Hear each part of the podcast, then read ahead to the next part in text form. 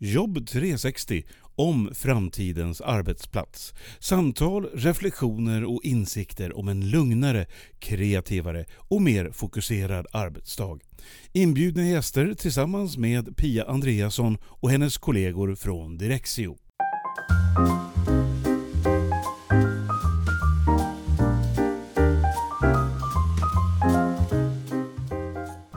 Nu ska jag strax prata med Jonas och Jonas igen. De ska få presentera sig själva i programmet. Självklart så gör vi det här också via Skype som vi gjort flera veckor bakåt i tiden på grund av Corona. Och också förstås för att det är bekvämt att slippa resa.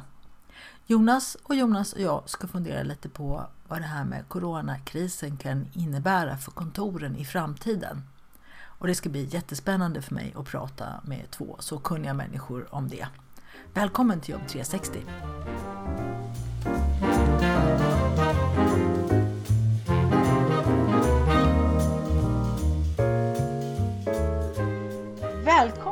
Till podden Jobb 360, Jonas Falk och Jonas Hurtig Grabe. Och ni har ju båda två varit med i den här podden en gång var förut och pratat då om era områden. Och nu sitter ni här tillsammans och vi ska framtidsspana här. Vad händer efter Corona? Med kontoret och förändringsprocesser där. Och jag tänkte vi får börja med att ni presenterar er lite kort. Jonas Falk, vem är du? Eh, jag är arkitekt, snart 50, Eh, tycker det är jättejobbigt eh, och är då två veckor äldre än den andra Jonas, eh, ungefär, eller två månader kanske. Jag jobbar med kontor och mest ur brukarperspektivet kan man säga. Jag brukar säga att jag utformar kontor inifrån och ut. Jag tycker det är jätteintressant hur människor fungerar och inte fungerar på kontor och vad det betyder för oss som ska forma den fysiska miljön. Det har jag hållit på med i drygt 20 år på strategisk arkitektur. Mm, Okej, okay, tack. Och Jonas Hurtig Grabe då, vem är du och vad gör du för någonting? Något yngre då än den andra Jonas fick vi höra här. Otroligt mycket yngre än den andra Jonas.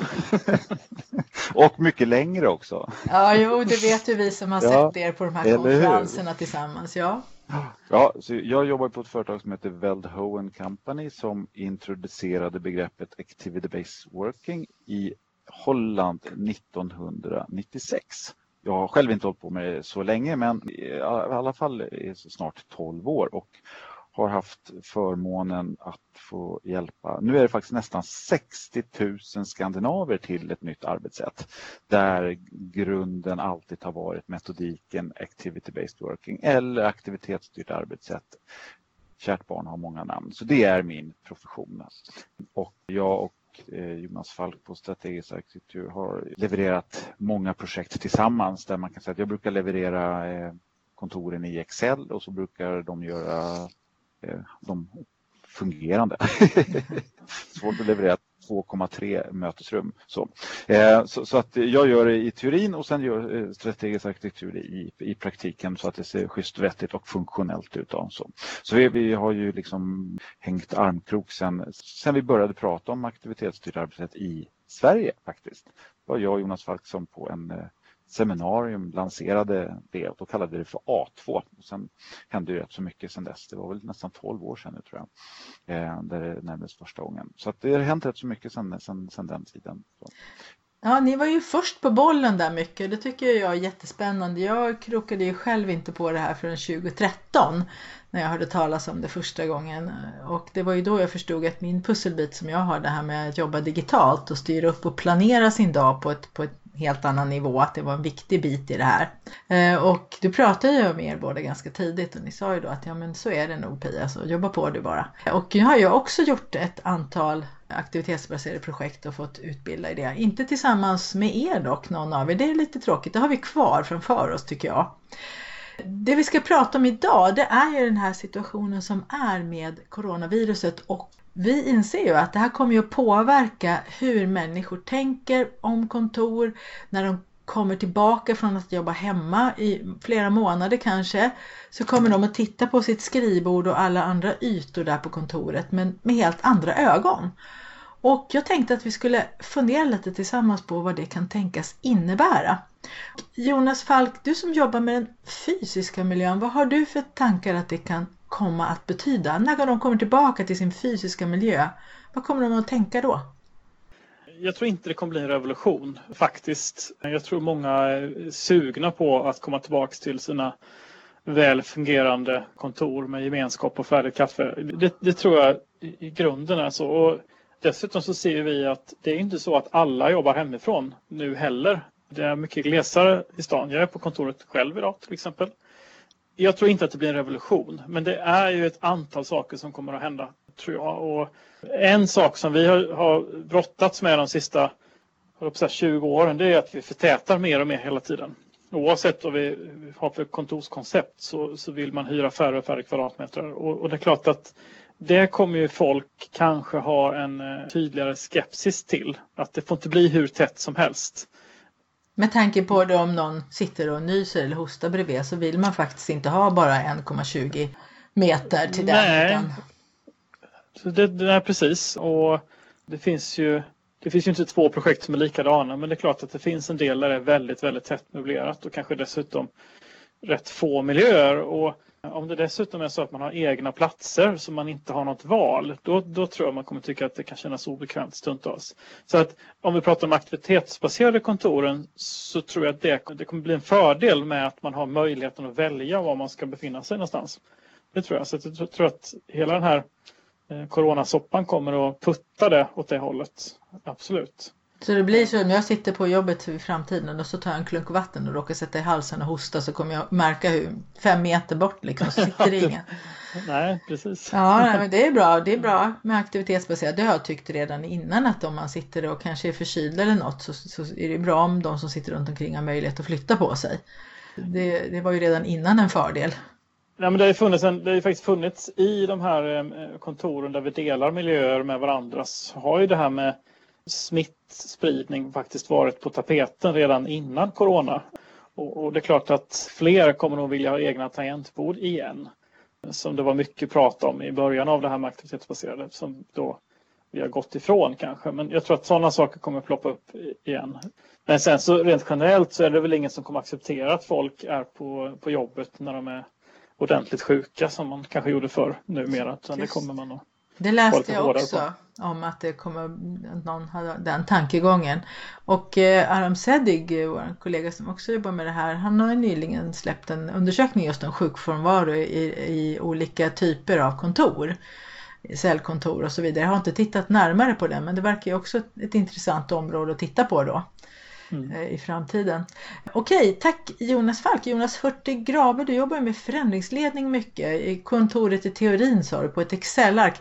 Vad tror du att du kommer att möta nu då när du kanske träffar nya kunder till hösten och så? Vad kommer de att ha eh, med sig och vill ta stöd av dig med?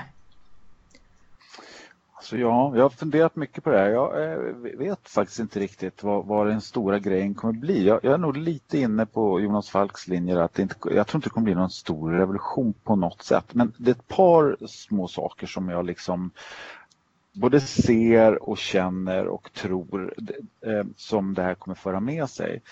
Om man, om man tittar på i alla de förändringsprojekt där jag blir involverad, när man börjar en dialog med ledningen om varför gör vi det här och på vilket sätt och varför, vad, vad är det vi vill förstärka och, och, förbättra. Så vid något givet tillfälle så kommer alltid diskussionen upp med det här med tillit kopplat till möjligheten att jobba hemma eller inte. Det känns ju som att det är liksom numera en icke-fråga. där tror jag vi kommer liksom ha vunnit den liksom striden. Den är, den är liksom redan eh, diskonterad i de kommande projekten. För ingen kan liksom använda det som argumentation. Liksom. För nu har vi ju kört världens största test på distansarbete liksom, på gott och ont.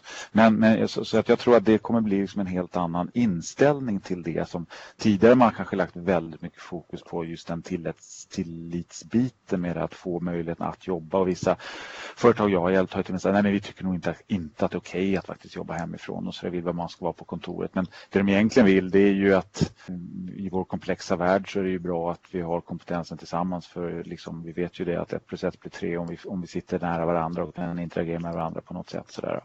Så att det tror jag kommer få en rätt stor påverkan på. Jag kanske är så att den, att den liksom förändringen går lite lite, lite snabbare. Då. Sen så tror jag att det finns ett par saker som, eh, som hjälp utav i det här. Liksom. Om man tittar på mig själv då som har liksom, den verksamheten jag själv bedriver är ju väldigt utsatt av det här för att många av de projekten som jag blir involverad i det är ju när man startar upp någonting och då börjar man med att göra massa mätningar och undersökningar och så. Det är ingen som startar något. Jag har inte ett enda nytt projekt utan det är liksom ett gäng projekt som rullar på som inte vill tappa farten som finns kvar där. Så att på så sätt kommer det väl bli någon slags fördämning som brister när allt det här är över. Man måste ta tag i allting igen får jag väl hoppas. Men det jag vill komma till där är att det jag ser då i alla dessa digitala möten det är ju Dels tror jag att det som, det som ni jobbar med Pia är så otroligt viktigt. Att hjälpa organisationer att förstå hur man ska använda de här teknikerna. Vi pratade lite grann om det här med, bara med video. Nu har vi stängt av våra videos bara för att det ska vara en ljudinspelning för att vi inte vill sno bandbredd. Men just en sån sak att man utifrån bandbreddsperspektiv inte stänger av videosarna tycker jag har jag blivit otroligt påverkad av de här två månaderna där jag har haft möten och har suttit och tittat in i åtta stycken rutor med en initial på, inte en levande människa. Man vet ju inte ens om människorna är där. Så att jag, jag tror ju att där kommer ju liksom den fysiska mötesplatsen, den kommer återvinna. Jag tror att man liksom inser någonstans att det går aldrig ens att komma i närheten av samma kvalitet och djup i ett möte digitalt som, som fysiskt. Liksom så. En annan spaning bara som jag vill göra som jag har tänkt väldigt mycket på det är ju det här med möjligheten att jobba hemma eller inte, vilket jag själv kan tycka är en liksom den behöver vi knappt ha med den diskussionen för det är en självklarhet idag. Men det är också en väldigt, väldigt stor skillnad. Om jag tittar på mig själv som har ett eget kontor hemma med en dörr jag kan stänga med en skärm. Jag har en väldigt bred skärm, 28 tums skärm, en väldigt bra stol, ett bra bord, till och med en kabel som går från routern så jag har bra bandbredd. Liksom så. så jag har inga som helst problem att kunna jobba på ett effektivt fokuserat sätt hemma. Jag vet inte hur många möten jag haft där Särskilt i Norge nu när de, haft, när de haft barnen hemma. För där har ju förskolorna varit stängda också.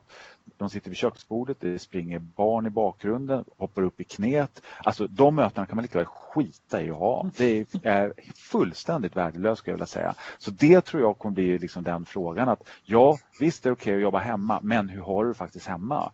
Om du bor i en etta två personer så, så vet man ju det att det blir ingen bra fokus om den andra personen är hemma och flustrar med varandra. Men har man ett eget kontorsrum eller ett, en möjlighet att stänga in sig i något annat rum, ja men då kanske det funkar någonstans. Det tycker jag ser så otroligt många exempel på nu. Bara det liksom när folk har videokameran på och man ser att två till är hemma nu och jobbar och går och pratar telefon i bakgrunden. Jag tycker det är superstörande det tror jag kommer bli liksom en, en ny diskussion kopplat till att jobba hemma. Det är en jävla skillnad att sitta i en soffa och tro att man ska kunna jobba effektivt än att sitta på en vettig fullgod ergonomisk arbetsplats. Liksom. Så, ja, det var en lång spaning tror jag. jag tänker...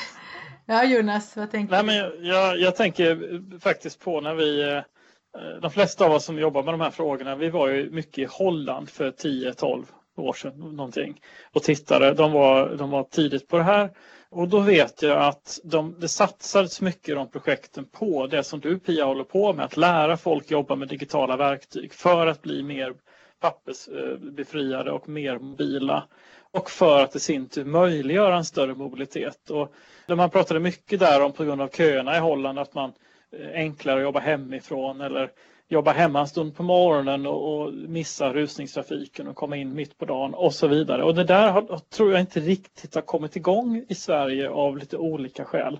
Det tror jag nu, precis som Jonas är inne på, att nu har i princip alla fått eh, tekniska möjligheter att jobba hemifrån på ett bra sätt. Så att jag tror att, precis som Jonas är inne på, att vid tillfällen det behövs och för dem det funkar bra så har man, kommer man ha en större frihet att jobba på andra ställen. Det kommer vara mycket mer accepterat tror jag. Och det är samma sak med, med videomöten. För tidigare har man inte riktigt, det har alltid varit någon eh, som ska vara med på mötet som inte riktigt har kläm på de här grejerna.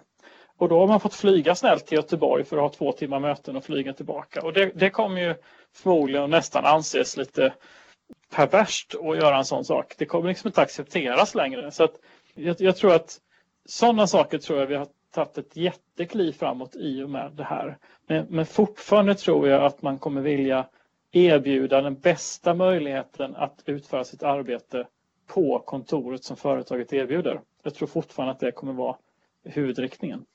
Ja, om inte annat så kommer man ju att behöva locka människor att komma dit för att få de här värdefulla ansikte mot ansikte mötena som du var inne på Jonas Örtegraben, där man verkligen ser och kan tolka kroppsuttryck och, och så vidare för att få ett djupare samtal.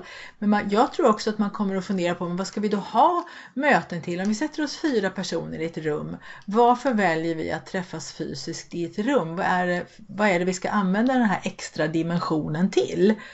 För att jag har ju hört människor som säger det att jag kommer inte ha några sådana där möten i mötesrum mera. För när jag har möten digitalt det blir så otroligt mycket mer effektivt. Då pratar man om det man ska prata om och så tar man de beslut man behöver ta. Och sen så stänger man ner och rullar vidare. Man sitter inte och gaggar en kvart extra bara för att vi hade ju bokat en timme. Och jag tror att det kommer bli väldigt skillnad på vad mötet ska uppnå. Jag har, haft, har ju kurser också i effektiva möten. Tyvärr är de inte alltför efterfrågade, men jag har ju det. Och där ingår det som ett moment att man faktiskt identifierar att ett möte ofta innehåller ju olika delar. Det kan vara diskussionspunkter, det kan vara beslutspunkter, det kan vara brainstorm och i värsta fall så mixar man de här punkterna hej vilt. Eh, så att om man särar på vad är, när, när är det vi ska ha vårt fysiska möte, vad ska det leverera och ska vi bara ha beslutspunkter och bara vara formella, då kanske vi inte behöver träffas i samma rum. Du tänkte på tänker, någonting Jonas Hurtig? Jo, jag, jag, tänker bara på en sak, för jag har tänkt mycket på det här, det du säger nu någonstans, att jag, jag kan, det finns någonting i det som skaver i mig och det tror jag är det här med det ska vara så übereffektivt numera. Jag, jag känner det har varit så otroligt påtagligt här. Jag har, jag har haft en fysisk aktivitet här nu för förra veckan. Då var det ett företag som jag hjälper som ska ha en bolagskonferens som då blir digital. Men då ville de ha en, en dialog i ledningsgruppen som skulle spelas in. Så vi träffades då socialt distanserade med två meter mellan respektive fåtölj och så spelades det in så det var så lite Skavlan-upplägg på det hela. Liksom, så. Och vi bara konstaterade det alla då som satt där. Det, det var, vi var som kor på, det var som ett kosläpp. Liksom. Vi, vi, behovet av att bara få kallprata lite grann av att inte prata jobb. Det där som vi har en kvart över, vi snabbar lite, vi tjabbar lite skit om annat någonstans. Jag tror att det är någonting som är en del av mänskligheten. I morse så, så skrev Alexander Stubb, äh, finnen, alltså gamla statsministerfinnen, han skrev en krönika i DI och handlade om vad är, vad är det vi saknar? Då pratar han om empati. Jag tror det där är otroligt spännande. Att det är precis just den dimensionen som på något sätt man känner inte finns i det digitala numera. Det är så über konstruerat för vi är så, är det många med i mötet så behöver vi ha våra agenda, det, det, liksom, det gås igenom. De där liksom lite mer spontana brain, jag har inte, jag har inte haft en enda bra brainstorming-session på i något digitalt media, även om man har testat såna här Zoom, hangout-rum och sånt.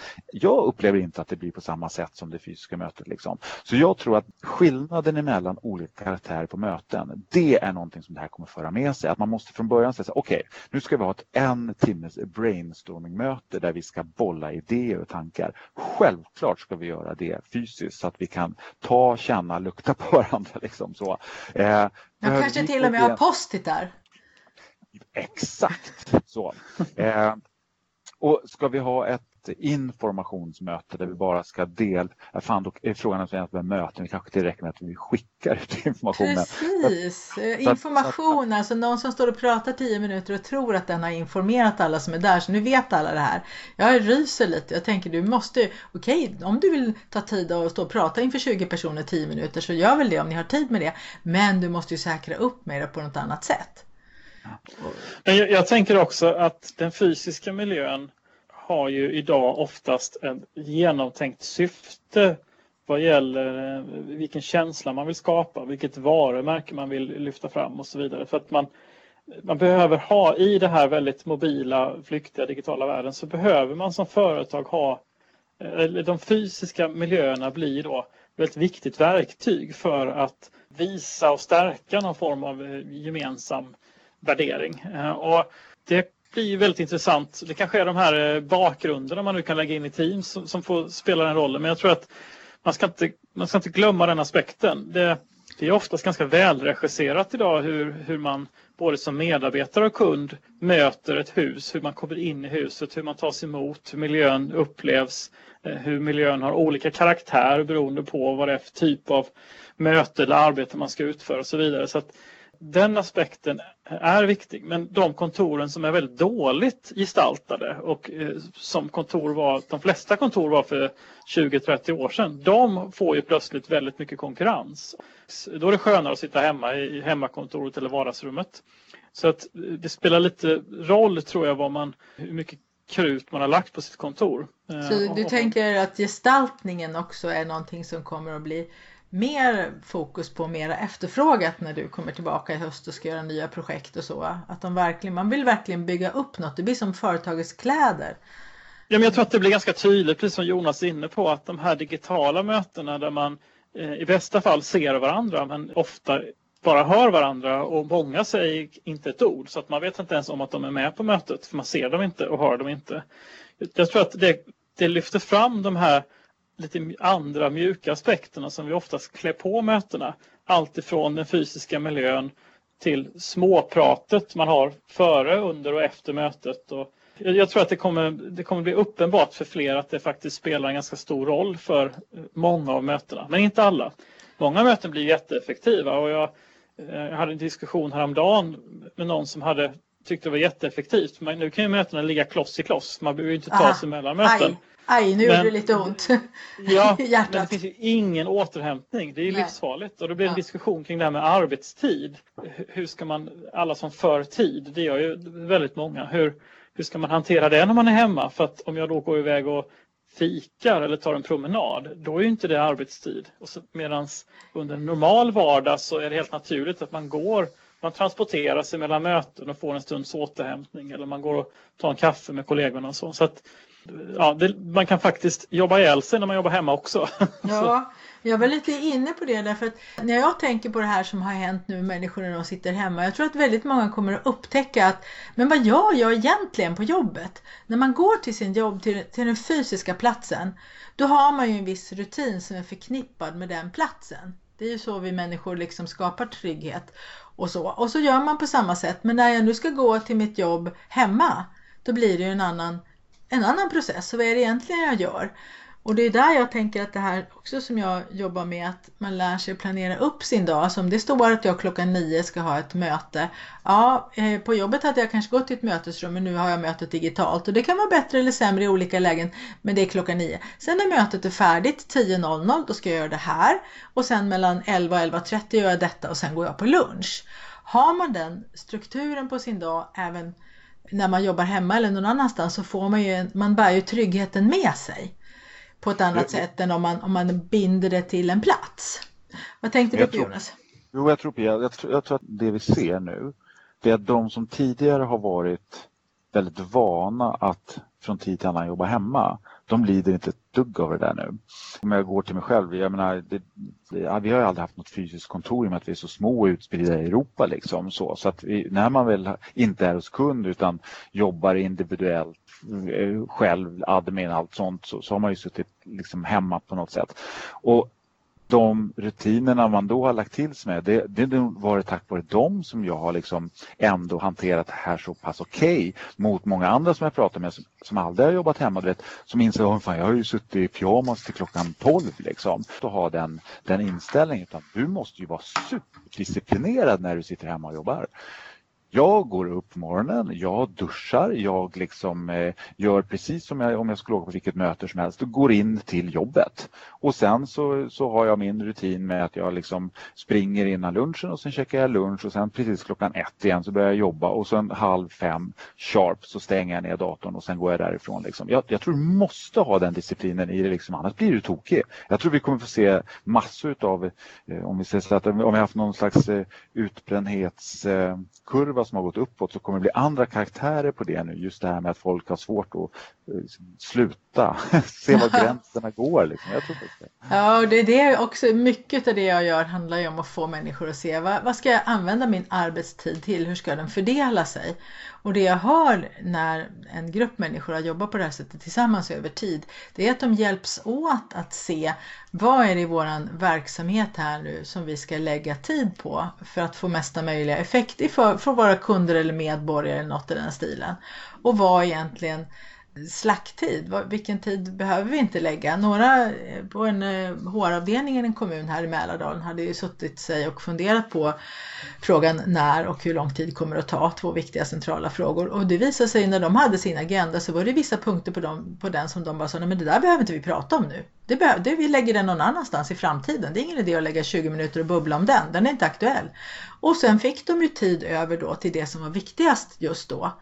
Det kunde ju vara något jätteintressant och spännande för alla med närvarande på det mötet. Just det här som de la åt sidan. De hade kanske kunnat lägga 20 minuter på det utan vidare. Det hade varit jättetrevligt. Men det var inte viktigt nu. Vi behöver använda den här tiden som vi har nu till något, till något viktigare. Och de beskrev det som någon typ av mindre revolution. Att de hade börjat fråga varandra när ska det här vara klart? Vad är det för deadline på detta? Det är ju kul för mig höra att det landar på det viset att man verkligen börjar värdesätta tiden, sin tid och kollegornas tid förstås. Vi som är konsulter, vi har fått leva med det ganska länge faktiskt. Ja men vad bra. Precis, det kanske därför inte är en icke-fråga för oss då. Liksom. Det är per timme eller något i den stilen, hur lång tid tar det och så. Men jag tänkte på en sak, vi berättar mycket om det här med den fysiska gestaltningen av miljön och att sitta hemma och sitta i joggingbyxor och så vidare. I ett tidigare poddprogram med Kalle Rosengren som är forskare och min kollega Sara, där pratar vi om det som på engelska kallas för performing work. Alltså man går till sitt jobb och gör jobbet, alltså perform, som en föreställning, som en skådespelare. Och man behöver rekvisita för att kunna göra den rollen på rätt sätt. Och en del av rekvisitan är ju kläderna man har. Jag menar, tänk er att man är hos tandläkaren och så kommer hon eller han in i badbyxor liksom. Man ska ju bara, nej men nu blev det jättefel här. Det är ju samma person med samma kunskaper men med andra kläder. Så vi, vi gör någonting när vi klär på oss, som du berättade Jonas Hurtig när du klär på dig och går till jobbet, då gör du jobbet.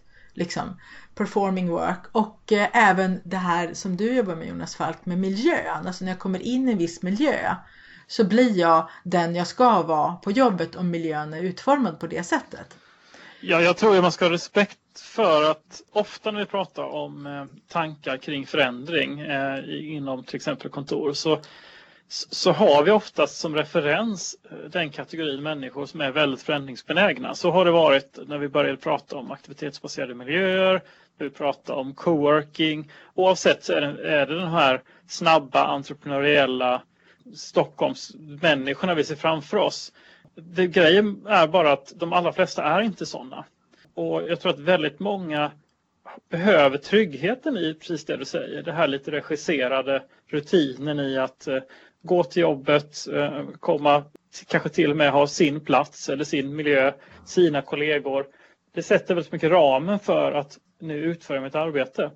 Det ställs mycket högre krav på det som jag vet pratades mycket om när man började prata om aktivitetsbaserat, det här att ledarskapet måste bli mycket mer eh, fokuserat på resultat, alltså att man producerar någonting eh, mer än att man bara är på jobbet.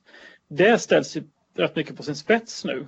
För att bara sitta av tiden hemma det blir ju ingenting. Nu börjar man ju uppmärksamma det tror jag rätt mycket. Vad är det egentligen som, som produceras då när folk jobbar? Mm, ja, det, det är ju väldigt intressant för att när man då som du säger, alla är inte så förändringsbenägna. Att om man ber människor, nu ska du lämna ditt rum, du ska lämna alla dina pärmar och papper och högar och allt vad du har samlat på dig här nu under tio år. Du får inte längre ha den rekvisitan. Eh, och du får inte ens ha din stol och ditt skrivbord och din bild på hunden. Det, det blir såklart att du måste du lämna en stor del av det som gör att du kan performing work. Och då, då måste man ju stötta upp med något annat. Och mm. som sagt ledarskapet då, det som jag tycker att jag ger, att jag ger människorna, men vad är det egentligen du gör? Ja, men jag ser vad jag gör, jag ser vad jag har gjort, vad jag har jobbat med i och med att jag faktiskt har en plan och så stämmer jag av, har jag landat i den? Ungefär hur mycket och vad, vad blev det av det hela? Att man skapar tryggheten där istället. Mm. Jonas Hurtig, du tänkte säga något? Jo, om jag bara byter ämne lite grann. Om, om vi ska försöka ha någon slags liten framtidsspaningstanke i det här som, som jag själv gått liksom, hmm, funderat lite grann på. Jag, jag, kan säga att en av ja, de få uppdragen som fortfarande rullar på då, det är att hjälpa ett företag med mötet mellan det aktivitetsstyrda arbetssättet och de agila teamen vilket har upptagit rätt så mycket av min tid de senaste åren. För många märker en rätt stor eh, det, det, det, är liksom, det gnager emellan de här två världarna. Liksom, så. Och jag tror att det handlar om att vi, liksom, vi som är auktoriteter på liksom, det aktivitetsstyrda och alla som är duktiga på det har liksom inte riktigt lyssnat på de som är auktoriteter på det eh, agila och vice versa. Så jag tror att båda de parterna behöver liksom börja lyssna på varandra. Men det här företaget som jag hjälper just då så kan man säga hade precis just det. De hade egentligen aldrig pratat de har bara varit ovänner de här två världarna. De har aldrig förstått varandra. Liksom. Det har gnagit liksom, i relationen däremellan för man har liksom trott på sin grej och sin lära, liksom, vilket är helt förståeligt. Men det är faktiskt så att eh, Activity-based working som metodik och Scrum som är en slags grundstomme i det agila, liksom, det föddes samma år, det vill säga 1996. Och den här organisationen som, som då har rätt så många medarbetare som jobbar i rena liksom, mjukvaruutvecklingsteam som då har rätt renhårigt liksom, arbetar med ramverket, dagliga möten som de kallar för dailies varje morgon då de liksom jobbar med sin tavla och liksom, ja, går igenom liksom om, om man har något problem att leverera liksom det som man ska leverera idag och om man har gjort det som man skulle göra igår ungefär. Så. Och alla de, jag, de som har varit ansvariga för de här teamen som jag nu har intervjuat i den här organisationen som alltid har sagt att det är så viktigt för oss att ha vår fysiska plats. Det är liksom grundproblemställningen i eh, de här två världarna, det aktivitetsstyrda och det agila med att de agila teamen vill ha dedikerade teamplatser medan de aktivitetsstyrda, men ni kan väl dela och så har man aldrig kunnat prata med varandra liksom, kopplat till det. Det intressanta är att alla de, jag har kanske pratat med tio olika liksom, ansvariga för såna här grupper, då, agila grupper, som nu kör sina dailies via Teams, det vill säga hemifrån digitalt. Alla säger att det funkar nästan bättre. Det undrar jag vad det kommer föra med sig i eh, liksom den här, kallar det för problemställningen som vi ändå ser. Jag tror att många som kommer att lyssna på det här känner igen sig i de här två världarna. Att här, har vi, här har vi en utmaning med att få ihop de här två lärarna till en lärare någonstans. Det tror jag kommer hända någonting väldigt spännande med det här. För att nu har man varit tvungen att vara ifrån varandra fysiskt även i riktigt affärskritiska systemutvecklingsprojekt liksom så, så har ju inte jorden stannat för det. Och eh, de har ju till och med då sagt i de intervjuerna jag haft att eh, vi tycker nog att det har funkat bättre med de här dagliga eh, mötena som vi har haft. Det tycker jag är väldigt, väldigt spännande. Vad kommer det föra med sig i det resonemanget? Det man kan hoppas i det är ju att eh, vi har ju under nu tio, sista tio åren i vart fall pratat väldigt mycket om att eh, kontoren ska bli bättre på att hantera en väldigt stor variation av behov. Och, och så har vi kunnat skapa sådana jättefina variationsrika miljöer.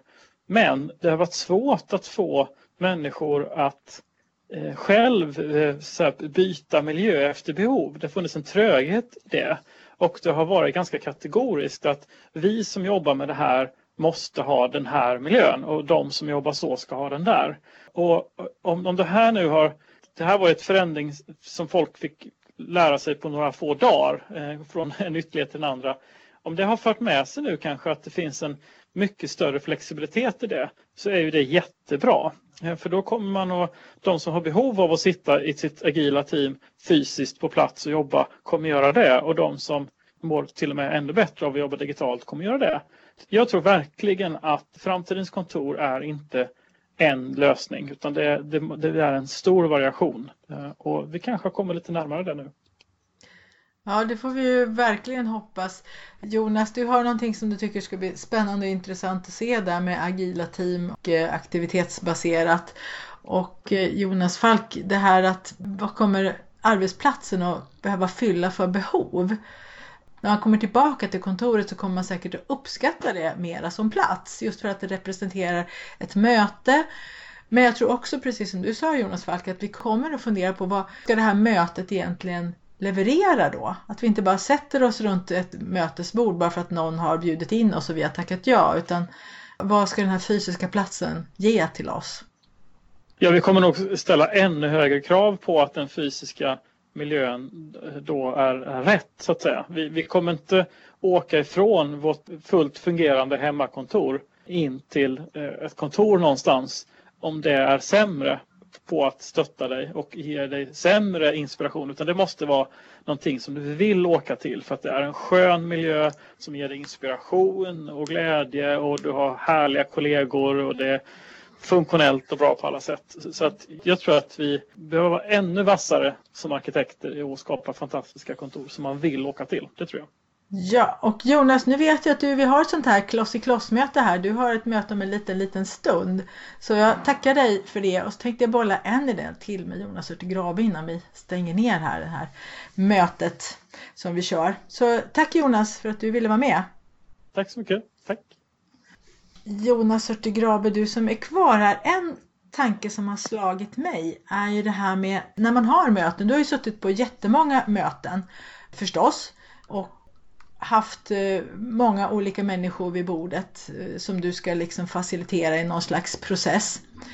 Och det jag har tänkt på när det gäller de här digitala mötena är att det blir lite svårare för vissa att ta sådana här härskartekniker, att vända ryggen åt varandra och att inte lyssna, då kan man göra det väldigt mycket mer aktivt i ett sånt här digitalt möte som du just har beskrivit. Man stänger av och man kanske går ur rummet till och med. Men just att har man ett möte där man är fem personer som ska bolla vissa saker så är det svårare, särskilt om man har kameran på, att faktiskt vända ryggen åt någon och låtsas som att den inte har hörts eller finns där. Vad tror du om, om den utvecklingen i ett mötesrum? Ja, det är spännande att du tänkte på, på det sättet men, men, när du säger det så, så det är klart att om man är duktig på att facilitera ett möte och vet att jag har eh, några starka personligheter i det här mötet och jag har några svaga personligheter. I det digitala mötet så är det mycket, mycket lättare att ge ordet till var och en liksom, så att alla får komma till tals. Så på så sätt så skulle man ju kunna se att det finns något positivt med liksom det digitala på det sättet. Men då skulle man vilja föra tillbaka det till hur man kan hantera det i själva mötesrummet. För det tror jag fortfarande är en problematik. Att vi, vi vet ju det, vissa som har liksom här härskarteknikerna i sig någonstans, bara att de kommer in i ett rum så har ju de tagit över. Eh, så de här som då inte är för vana att ge sig till känna och så, de, de kommer ju liksom, de, de backar ju direkt då. Men det är ju faktiskt mycket, mycket svårare att göra i digitala om det är någon som är duktig på att facilitera, det vill säga att, att dela ut ordet på ett bra sätt då, till, till respektive. Liksom. Så att, eh, nej, men det är intressant att fundera. Det kanske till och med så att eh, man då ska i en sån, man får kalla det för dysfunktionell grupp där man vet att man har de här olikheterna någonstans, att man faktiskt ska planera in att ha ett större inslag utav delar digitalt också för att också få de som sällan hörs att bli hörda.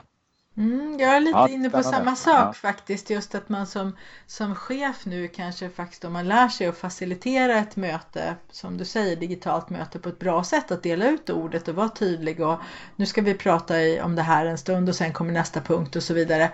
Att man skapar de här ramarna för att det är ju väldigt tydligt om man har en timmes digitalt möte att det är väldigt kort tid som var och en kan prata. Mm. Faktiskt.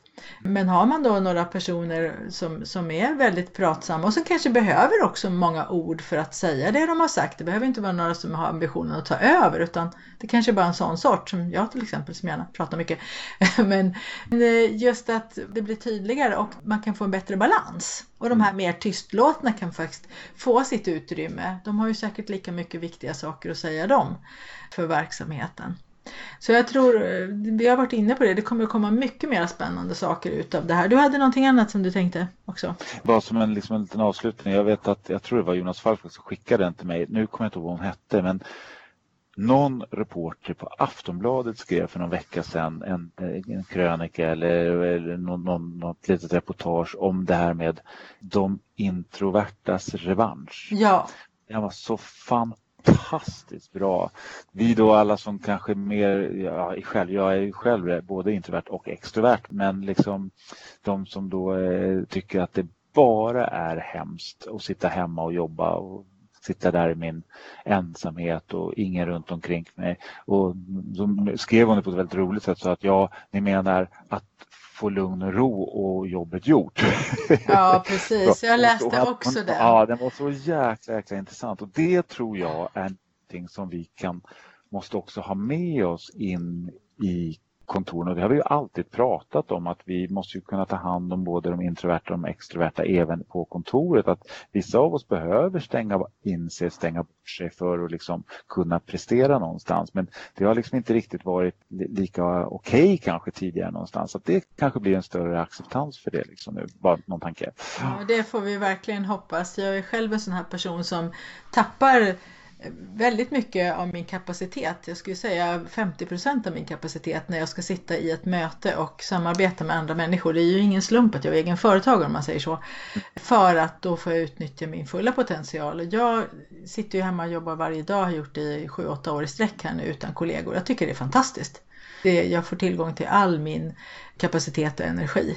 Precis som hon skrev och som du också nu nämner att de personerna har inte fått den möjligheten i de kontor vi har haft hittills utan det ställs Nej. väldigt stora krav på att vara social och det är fikarast klockan nio och går du inte dit så är du lite suspekt. Mm, mm. Och så får man ju sitta där tills kafferasten är färdig och prata om det som de pratar om. Bara för att. Liksom. Ja, för det är så man gör. Och det är ju en del av performing work. Det är en del av, av en, en arbetsplatskultur. Men just mm. att vi får ögonen på nu att den kulturen funkar bra för vissa och inte lika bra för andra. Och man kan ta hänsyn till flera olika människosorter på jobben i framtiden skulle det vara fantastiskt. Mm. Verkligen. Okej, men tack Jonas Hurtig Grabe och att du kunde hänga kvar en liten stund här eh, efter att mm, eh, Jonas Falk fick lämna. Men det har varit superintressant att prata med er. Alltså det här samtalet får vi fortsätta med sen. Vi får ta här om något halvår och se, blev det som vi trodde? Absolut, jättekul. Det skulle vara jättekul. Ja. Så, och ha en bra dag. Tack ska du ha mm, för idag. Hej då.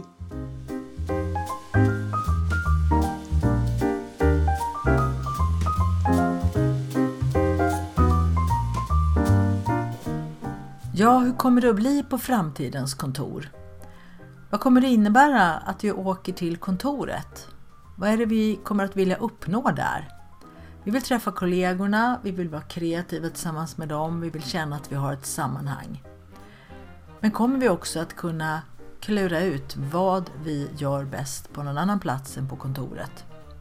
Och kommer de aktivitetsbaserade kontoren att få ett uppsving nu när vi har lärt oss att man kan utföra sina arbetsuppgifter på flera olika ställen, till och med i hemmet? Det är inte så lätt att veta. Den som lever får se som man brukar säga. Jag är jätteglad att jag fick tillfälle att ventilera det här tillsammans med Jonas Falk och Jonas Hurtig Grave. Och tack till dig för att du lyssnar på Jobb 360.